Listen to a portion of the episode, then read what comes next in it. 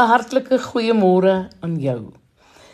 Vandag praat ek bietjie met jou oor God en hoe God met ons praat. Maar ek wil begin deur vir jou te vra, dink jy God kan met ons praat soos met die helde van ouds? Jy sien die meeste van ons het groot geword met Bybelverhale. Ek onthou nog goed die prentjies van die kinderbybel. Kan jy dit ook nog onthou? Dit het begin by Adam en Eva met hulle vrye blare in die tuin van Eden en dan was daar Abraham, Isak en Jakob en later was dit Josef met sy deftige bontrok wat so lekker was om in te kleur. En natuurlik die wonderlike verhaal van hoe Dawid die vieslike reus Goliat met sy ketting doodgemaak het. Nou in my kindergemoed was hierdie mense almal helde. Vandag ja, vandag besef ek dat hierdie helde figure almal doodgewone mense was. Soos ek en jy.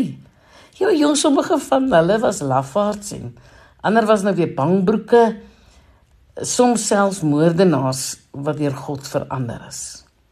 God het op 'n bepaalde manier elkeen by die naam nader gehak en dan het hy hulle handomkeer verander. Jong God het geduldig met elkeen 'n pad gestap. Sy of haar geloof versterk en oor en oor sy beloftes herhaal. Soos 'n pa het hy hulle by die hand gevat, dag en nag met hulle gepraat om hulle te bemoedig, om hulle te lei, soms met hulle bietjie te raas hoor en hulle weer terug te bring na hom toe. Ek en jy is sy kind. Net soos wat die Bybelvaders en die Bybelmoeders sy uitverkore kinders en apostels was.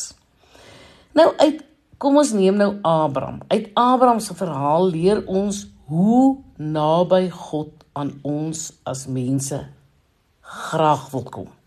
In Genesis 18 vanaf vers 17 lees ons hoe God oor Abraham gevoel het. Hoor 'n bietjie. En toe dink die Here: "Sal ek vir Abraham wegsteek wat ek wil doen? Abraham sal tog 'n groot en sterk nasie word en in hom sal al die nasies van die aarde geseën word." Julle is dit nie wonderlik nie dat God so op sy eie gesit en dink het of hy nie maar sy geheime met Abraham moes deel nie. Weet julle wat? Dis presies hoe hy oor my en oor jou ook voel. Hy sê verder, hy sê ek het hom gekies dat hy sy kinders en sy nageslag kan beveel om op my pad te bly deur te doen wat goed en reg is sodat ek vir Abraham kan doen wat ek hom beloof het. Nou wil ek jou vra. Vat nou gerus hierdie woorde uit Genesis en dan sit jy jou eie naam in elke sin. Ek gaan dit nou doen. Ek het Lenet gekies dat sy haar kinders en haar nageslag kan beveel om op my pad te bly deur te doen wat goed en reg is sodat ek vir Lenet kan doen wat ek haar beloof het.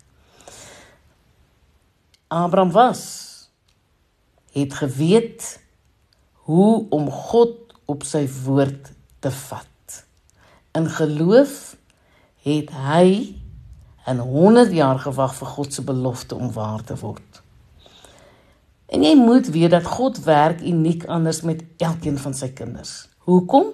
Ons elkeen is op 'n besonderse manier bedraad. God het ons bedraad en praat met ons na aanleiding van ons bedrading.